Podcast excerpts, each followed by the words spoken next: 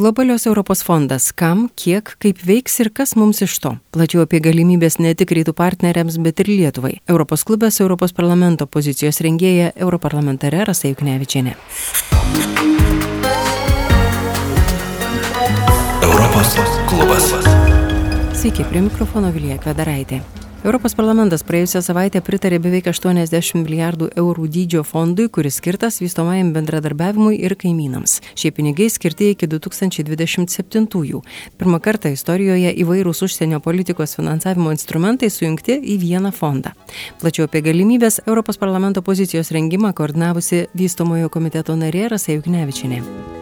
Tai ES iki šiol turėjo įvairius instrumentus, šiaip vadinama oficialiai instrumentais. Pavyzdžiui, buvo atskiras kaiminystės instrumentas, kuriame būdavo įdedami, tai įdedama pinigų suma skiriama kaiminystės šalim. Rytų kaiminystės, pietų kaiminystės ES. Buvo įvairūs demokratijos fondai, buvo įvairūs kiti apie 11 skirtingų instrumentų, jeigu jau grįžtant prie tikslaus pavadinimo, įskaitant ir vieną svarbiausią turbūt vystimuisi besivystančiam šalim skirtą buvusį instrumentą, kuris jau tikrai fondų vadinosi, tai buvo European Development Fund arba Europijos vystimosi fondas, kuris net nepriklausė bendram ES biudžetui. Tikslas to naujo instrumento buvo, kad konsoliduotųsi visi iki šiol buvę atskiri kiek įmanoma instrumentai į vieną. Kodėl to reikėjo? Nu, kad nesidubliuotų, nes skirtingi žmonės administruoja, e, visi nusistato taisyklės, tos taisyklės paprastai būna panašios.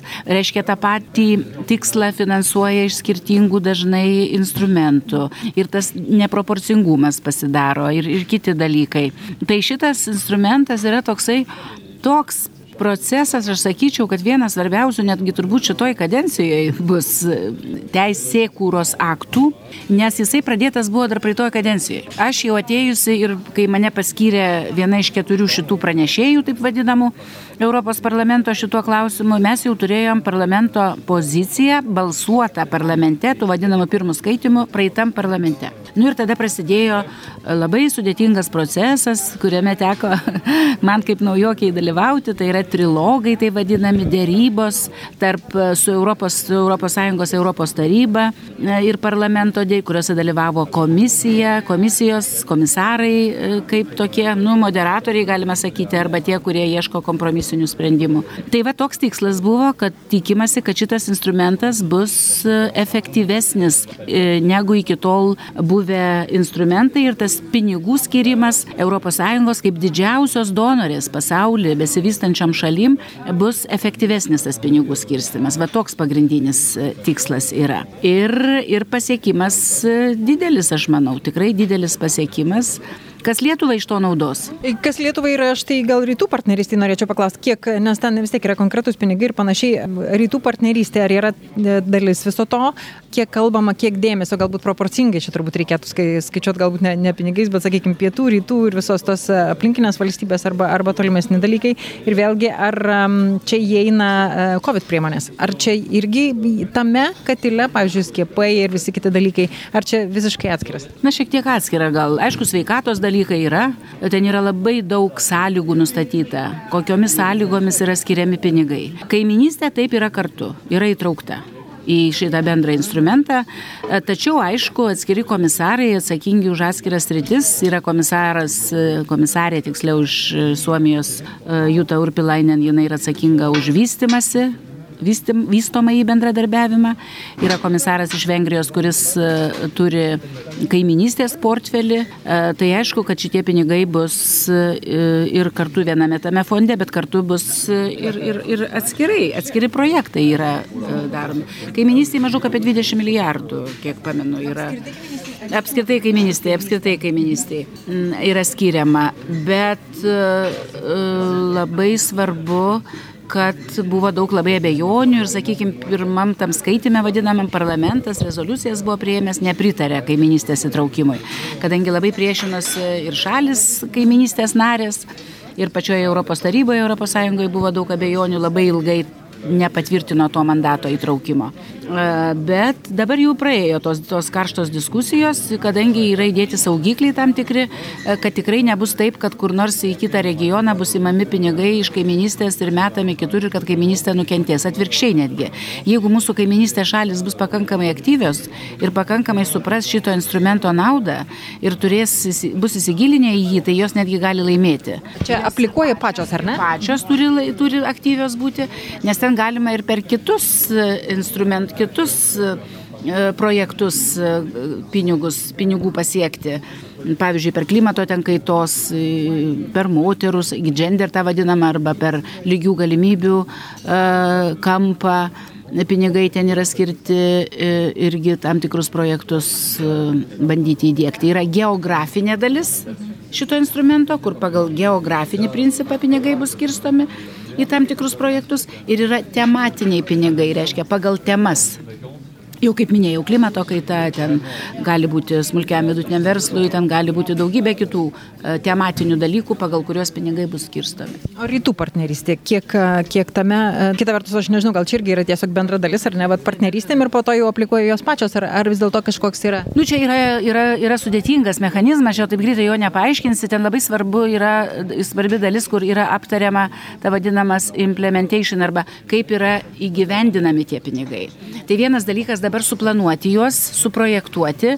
Tai va čia per šitas dėrybas pavyko parlamentui pasiekti, kad e, šiek tiek didesnė parlamento įtaka bus planuojant pinigus. Yra sudaryta tokia vadinamas geopolitinis dialogas, kur parlamentas bus e, e, supažindinamas su pačiais pagrindiniais bruožais, kaip tie pinigai bus dalinami, kokiom proporcijom, kokiom temom, kokiom šalim, kokiam geografiniam regionam tiksliau. Tai va šitame dabar man irgi iš dalies teks dalyvauti. Aš jau galvoju, kad su tuo raporto, su šito instrumento prieimimu baigsis mano vargai šitame pro projekte, bet mus taip pat įtraukia tuos vadinamus pranešėjus į tam tikras grupės, darbo grupės ir į į tas diskusijas, o kaip tie pinigai bus skirstomi.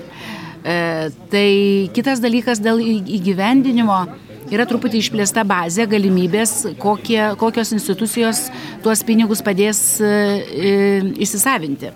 Na tai iki šiol buvo pagrindinė institucija, tai buvo Europos investicijų bankas, tačiau dabar yra palikta galimybė, atverta tiksliau galimybė ir kitie, kitom institucijom, tokiom kaip pavyzdžiui IBRD, Europos E, plėtros ir kaip ten vystimosi bankas, kuris yra privatus, privati institucija, kad jos taip pat galėtų dalyvauti e, tuos pinigus padedant įsisavinti tam tikrom šalim, kurios neturi atitinkamų kompetencijų ir panašiai. Pirmą kartą į paramos sąlygas įtrauktas ir branduolinis saugumas. Šalim, kurios nesilaiko branduolinio saugumo taisyklių arba susiduria su tokiom problemom, kad jom gali būti sustabdyta netgi arba svarstoma sutvarky, sustabdyti paramą, tai mes turim savo Nastravą, bet taip pat, pavyzdžiui, pavyzdžiui, Rusijos tokios pat, tokia pat politika Rosatomo Afrikoje, kur nors yra e, taip pat e, tos atominės statomos. E, tai va šitą noriu pasigirti, kad sunkiai, bet pavyko apginti, nebuvo didelio noro įrašyti šitos nuostatos, bet jinai yra ir aš manau, kad svarbu po šito lėktuvo nusodinimo turbūt aiškiau pasidarė, kodėl brandolinės elektrinės gali būti ir šantažo įrankiu ir, ir, ir panašus dalykai. Dabar e, pradėjau klausti, kas Lietuvai. Lietuvai reikia šito instrumento, naujo primto instrumento kontekste, reikia peržiūrėti mūsų pačių politiką vystomojo bendradarbiavimo srity. Mes kol kas esam labai minimalus, labai minimaliais indėliais ateinam į šitą bendrą instrumentą, nes šalis narės pinigus suneša. Ir ten įvairių šaltiniai iš biudžeto ir bendro ir taip pat šalis narės suneša pinigus. Yra mūsų sutarty, kai stojame Europos Sąjungą, mes esam pasižadėję, kad iki tam tikrų metų, dabar nebepamenu, 25 ar 30, mes skirsim 0,7 BVP jau pinigų savo į šitą bend, vystomą į bendradarbiavimą. Ne vienas klausytojas turbūt gali manęs paklausti, o kas mums iš to, kodėl mes čia turim skirti pinigus į kokią Afriką ar ten kur nors kitur, kur tie pinigai bus išleisti, nežinom kur, mums patiems reikia pinigų. Vat kai mes gaunam pinigus, tai mes labai patenkinti būnam, bet kada reikia jau kalbėti apie pagalbą kitiem, jau čia sudėtingesnis klausimas. Bet čia ne vien tik tai dėl pagalbos, čia yra ir mūsų valstybės galimybės atsiveria. Jeigu mes taptumėm labiau įdedančią valstybę, mums atsiverstų galimybės dalyvauti projektuose daug didesnės galimybės. Pagal tai irgi yra žiūrima, kokia šalis, pavyzdžiui, kokia institucija, kokia struktūra gali dalyvauti jau, na, pavyzdžiui, kur nors mes turim didelę kompetenciją Ukrainoje, Moldovoje, toj pačioje Sakartvelė, arba net ir viduriniai Azijoje, kur mūsų patirtis, galų gale kalbos žinojimas, aš turiu omeny rusų kalbą, gali padėti, kad mūsų verslas netgi galėtų e, dalyvauti projektuose ES tuose, įgyvendinant juos kitose šalyse.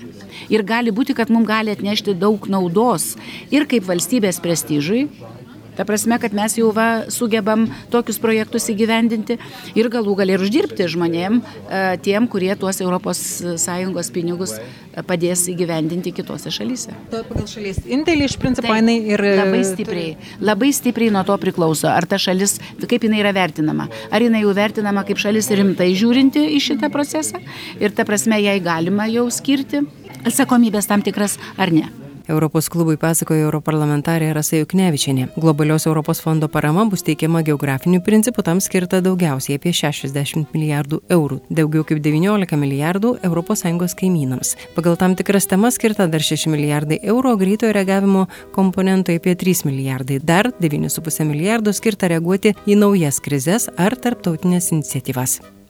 Šiandien Europos klube tiek. Susitikime kitą savaitę. Sekite Europos klubą socialiniuose tinkluose, prenumeruokite podcastą ir žiūrėkite YouTube kanale. Su jumis buvo Vilija Kvedaraitė, o prie projekto finansavimo prisideda ir Europos parlamentas. Europos klubas.